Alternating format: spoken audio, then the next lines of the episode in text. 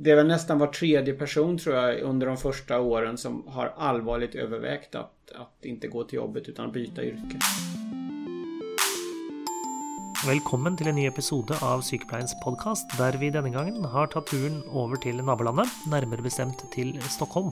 Ifølge ett större forskningsprojekt där som du snart ska få höra mer om, så sliter en inte ubetydelig andel svenska sykepleiere med stress, utbrenthet og depresjon, både under utdanningen og i løpet av de første årene i yrket.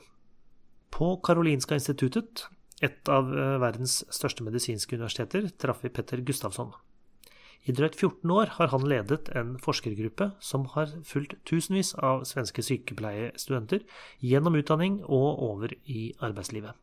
Forskerne har bl.a. sett på stressnivå under utdanning, på hvordan dette påvirker selve læringsprosessen, på hvor trygge studentene føler seg på sin kompetanse, og på hvordan de blir mottatt og opplever det når de etter hvert kommer ut i arbeidslivet. Vi ba Gustavsson fortelle om forskningen og om funnene. Man kan säga att det, det vi gör generellt i, i vår grupp handlar dels om eh, långvarig stress och får det för konsekvenser för hälsan. Men vi är också intresserade av eh, kanske mer pedagogiska frågeställningar. Hur lär man sig och hur lär man under stress? Och hur påverkas motivationen av en arbetsmiljö? Eller en skolmiljö men sen har vi också börjat intressera oss för rent allmänt om, om vad det är för mänskliga utmaningar i att vara ny. Det, var och en av oss har ju erfarenheter av att när man kommer ny till jobbet hur det känns. Att man vill bli en i gruppen och man vill bli accepterad för den kompetens man har och så vidare. Och då tycker vi att det är lite extra intressant just i sjukvården att komma ny för där kan ju ens Det är lite mer på liv och död. Vad, vad ens misstag kan få stora konsekvenser. Så våra studier som vi fokuserar kring är ju dels The Lane Study, eller luststudien där vi har följt nästan 4 500 sjuksköterskor från utbildning och ut till arbetsliv. Eh, Sen, sen har vi en studie som vi kallar för Mind the Gap som är egentligen en interventionsstudie. Där vi har prövat eh, olika stresshanteringstekniker hos studenter för att förbereda dem för arbetslivet. Och sen har vi en ny studie som vi håller på med nu. Där vi kartlägger de första 90 dagarna i yrket. Så att vi gör mätningar en gång i veckan där de får via sin mobil få skriva in till oss svar på olika frågor om rent vilka skift de jobbar, vilken ork de har, eh, hur de blir bemötta, vilka introduktionsinsatser de får. I den studien gör vi också eh, Jag vet inte hur ni har det. Vi har ju, I Sverige har vi ingen standardiserad plan för hur sjuksköterskor ska introduceras i arbetet utan varje landsting gör ju som de vill. Och då samarbetar vi just nu med Uppsala läns landsting på att eh, göra en stressintervention under deras första år. Där vi plockar ut vad som de uppfattar som absolut mest jobbigt, ansträngande, påfrestande i arbetet och så försöker vi hitta verktyg för det. För att hantera det. Har dere noe tall som gör att dere kan sammenligne med andra yrkesgrupper? Vi har inte ansökt om det utan vi har lite specialiserat oss på sjuksköterskor för att vi har en lång forskningstradition kring det. Men eh, hon som är, kommer leda det projektet har, har förut tittat på eh, skepp, vad heter de, båt handelsfartyg. Som, de jobbar ju också den typen av skift. Eh, men det, eh, har dere grunn til å tro at uh, sykepleiere er mer utsatt for, for stress? Sjuksköterskan är ju en av de yrken som toppar sjukskrivningsfrekvensen här i Sverige. Och även långvariga sjukskrivningar och sjukskrivningar på grund av stressrelaterad miljö. Så att i vår statliga statistik ser vi sjuksköterskor som ett ett av riskyrkena. Men det finns andra yrken där som även präster, eh, lärare, psykologer, läkare finns med där. Så många människovårdande yrken eh, har hög sjukskrivningsstatistik och framförallt i relation med mentala orsaker. Luststudien då, The Lane Study. Där har vi från början 4316 studenter. Som vi har rekryterat vid olika tidpunkter och följt dem sen. Vi har rekryterat dem under utbildningen och sen så har vi följt dem årligen ut i arbetslivet med en enkät om året. Så, och vissa har vi då följt från början av deras utbildning så att vi har följt dem genom hela utbildningen. Så, årligen och sen ute i arbetslivet i fem år. Så de har varit med om åtta enkäter över åtta år. Så jag tänkte ta några resultat nästan i telegramform här. Som tur är då är det så att många som går sjuksköterskebilden är väldigt motiverade för att bli sjuksköterskor. De vet att det är lågavlönat yrke. De vet att det är en tuff arbetsmiljö. Men de är väldigt motiverade för att få bli sjuksköterskor. De tycker att det är ett meningsfullt arbete. I alla fall 75% väljer det här yrket av ett genuint uttänkt intresse. När vi har följt den här, en grupp på nästan 1700 personer har vi följt genom hela utbildningen. Då kan vi konstatera att när vi använder den metodik som vi använder för att mäta stress i arbetslivet, utbrändhet, utmattningsformulär, så ser vi att stressen ökar under utbildningen. Och vi brukar stödja oss mot en, en eh, norsk studie från Oslo universitet där man har tittat på alla möjliga olika vårdutbildningar. Och där ser det likadant ut när arbetsterapeuter och sjukgymnaster och sjuksköterskor börjar utbildning har de ungefär lika samma nivå av stress. Men sen så sjunker stressen för sjukgymnaster och arbetsterapeuter när de lär sig att vara studenter och när de förstår vilka utmaningar det är och hur man ska hantera dem. Medan för sjuksköterskorna höjs den hela tiden istället. Och det finns några liknande studier publicerade som tyder på att stressen går åt andra hållet. Just för sjuksköterskor. Vi har dock kunnat visa att den, de som ökar mest i stress tystnar i klassrummen, de slutar ställa frågor. Eh, när de sen skattar sina mål, om de har uppfyllt lärandemålen i sista terminen så är de, skattar de sig i mindre utsträckning som att de har uppfyllt dem. När de kommer ut i yrket sen så är, skattar de också att de är mindre intresserade av kvalitetsfrågor. De är mindre intresserade av forsknings evidensbaserad vård. Eh, de uppfattar sig som mindre kompetenta. När vi frågar om vad som det är som är mest stressande under utbildningen så säger de att det är att de har så lågt inflytande över sin studiesituation. De är så stora klasser. Eh, de uppfattar det väldigt svårt att organisera utbildningen på grund av att sjukvården kanske inte erbjuder dem de studieplatser de har blivit lovade. Det är mycket schemaändringar. Det är svårt att planera sitt liv vid sidan av studierna. Hur många är det som sliter? Det är väl en, jag ska säga att nästan två av tre säger att det här är en daglig källa till stress. Lågt inflytande, låg kontroll. Tyvärr. Och jag, när man läser norska studier så pekar de på det här också att det är svårt. Det verkar vara svårt att organisera klinisk utbildning.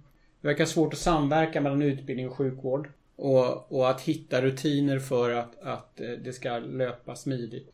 När de går ut sista terminen så upplever i alla fall två av tre att de är rustade för att ta sig an sitt yrke. De känner sig kompetenta. Men det varierar jättemycket mellan lärosätena. Vet du något om frafallsprocenten underveis? Hur många som hoppar av? Ja. Eh, det, den största avhoppet är under första året. Eh, från de som kommer till termin 2 och 3 så är det nästan en 90% i examinationsfrekvens om man räknar inom 3 eller 4 år. Det är en ganska stor skillnad mellan just vårdyrken och alla andra högskoleutbildningar i Sverige på genomströmning. Vi har ju ställt en massa frågor om hur de introduceras. Om de får gå ett trainee-program eller om de får gå bredvid eller om hur det, hur det går till. Vi kan väl konstatera att alla får någon form av introduktion att jämföra med lärare, lärarstudenter som vi också undersökte. Kanske varannan lärare får överhuvudtaget ingen introduktion på sin arbetsplats utan de får en nyckel till klassrummet och sen så får de köra. När de själva får berätta, vi ber dem skriva brev till oss. Då känner de själva att de har bristande förkunskaper, de kan för lite när de kommer ut. De eh, känner sig att de är otillräckliga. Det finns inga förutsättningar för att göra ett bra jobb. De känner inte något stöd ifrån chefer. Vi har inte bara mätt stress och elände utan vi har försökt att vända på det och, och mätt eh, motsatsen. Så att arbetsengagemang. Och vi ser att det är som högst första året. Men sen sjunker det drastiskt. Och eh, sjuksköterskorna har lägre nivåer och mer sjunkande nivåer än lärare. Vi ser också att eh, intentionen, tankar på att lämna yrket är ganska vanligt förekommande. Och att det ökar över åren. Det är väl nästan var tredje person tror jag under de första åren som har allvarligt övervägt att, att inte gå till jobbet utan byta yrke. Inte bara lämna arbetsplatsen utan byta yrke. Vi har uppskattat att ungefär var tredje personen har en, en episod av allvarlig stressreaktion. Någon gång under de tre första åren. Så var tredje person drabbas av en allvarlig eller stressepisod och blir sjuka. Och när vi följer upp de personerna några år senare så trots att de är tillbaka i yrket så ser vi att de rapporterar själva att de har problem med sömn. De har problem med beslutsfattande. De har problem med koncentration och minne. Så att det är ganska allvarliga stressreaktioner som vi ser det. När det får sådana konsekvenser på unga människor redan så tidigt i karriären. När vi frågar dem varje gång hur deras arbetsmiljö är så, så konstaterar vi att över, jag tror att det är 60% rapporterar en nivå av höga arbetskrav över alla tre år. Och samtidigt små påverkansmöjligheter. Så man tycker att kraven är höga på mig men jag har ingen möjlighet att påverka. Vi har också sett att sjukfrånvaron ökar i början, i första åren. Och den är högre än eh, i populationen svenska sjuksköterskor. Sen har vi också mätt nivåer av depression. Den kan vi då dock se att det är fler som har kliniska nivåer av depression under utbildningen än vad de har under senare i arbetslivet. Så att psykisk ohälsa på grund av depression tycks vara vanligare när man är student eller än när man sen blir yrkesutövare. Vilket är lite förvånande. Vi tror kanske att det har en del med utbildningstiden att göra. Man kanske första gången man flyttar hemifrån, man separerar ifrån kompisar man har haft under många år. Man är liksom ur sitt so sociala sammanhang i, i, en ekonomiskt kär miljö. Så att vi tror att det är en om, huvudsakligen en period i livet som man är väldigt utsatt och ensam. Har du presenterat dessa resultaten för utbildningsinstitutioner eller myndigheterna och i så fall är det tagit någon, eh, eller har det fått några konsekvenser? Ja, man kan säga att eh, arbetsgivarsidan i Sverige, Sveriges kommuner och landsting, har varit jätteintresserad av våra resultat under hela tiden. När vi, skriver, vi skriver både vetenskapliga artiklar som vi publicerar internationellt men så skriver vi också svenska rapporter speciellt för arbetsgivare, fackförening och intresseorganisationer. Och de svenska rapporterna som vi släpper de, de sprids över hela landet till personaldirektörer, utbildningsansvariga. Så att vi har eh, väldigt stor spridning av våra resultat. Vi, vi är ute nästan en gång i månaden på någon landsting, universitet eller intresseorganisation och har varit så de senaste 7-8 åren. Och en del av våra resultat som problemen i övergången till arbetslivet har ju lett till att fler och fler har, har börjat med strukturerade introduktionsprogram. Så flera landsting har noga utgått ifrån våra resultat för att försöka hitta rätt. Som en parentes kan jag säga att intresset för vår, vår parallella undersökning om lärare det är obefintligt. Ingen så varenda artikel vi skriver eller skickar ut där så finns det ingen mottagare till det. Och i Sverige är det samma arbetsgivare men... Det, finns... ingen intresse för inget, inget forskningen om lärare. lärare. Ingen... Men väldigt stor intresse ja. för forskning på psykvärd. Har du några tankar om orsaker till det? Jag tror att det är olika liksom, kulturer. Både på arbetsgivarsidan och fack. Lärarna är väldigt, har traditionsenligt i Sverige att är väldigt upptagna i lönefrågor. Så arbetsgivarsidan och fackföreningarna de är liksom fast i lönefrågan skulle jag säga. Men, men är funden lika dramatisk eh, där? Ja. Medan sjukvårdssidan då har det alltid funnits ett annat diskussion om kvalitet, ansvar, karriär och så vidare. Du sa kanske något om det men, men har du grund till att tro att eh, talen och, och, att det är mer dramatiskt i Sverige än i eh, andra land som är naturligt att sammanligna sig med?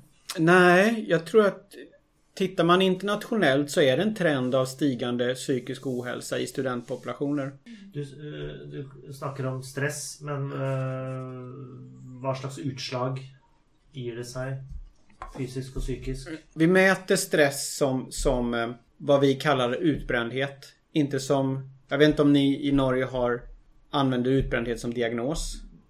Det gör vi numera men det, det, är inte det vi har mätt utan vi har mätt det akademiska begreppet utbrändhet som handlar om att man tappar energi. Man tappar också motivationen och man slutar tro på sig själv och man är kapabel till att göra. Så Maslars definition av utbrändhet från 80-talet. Det är den våran konceptualisering av stress.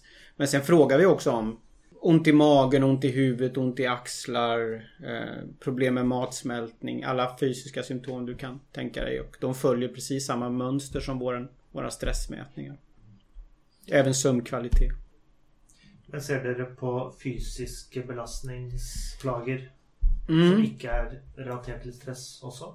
Vi har tittat på det och skrivit några artiklar om det.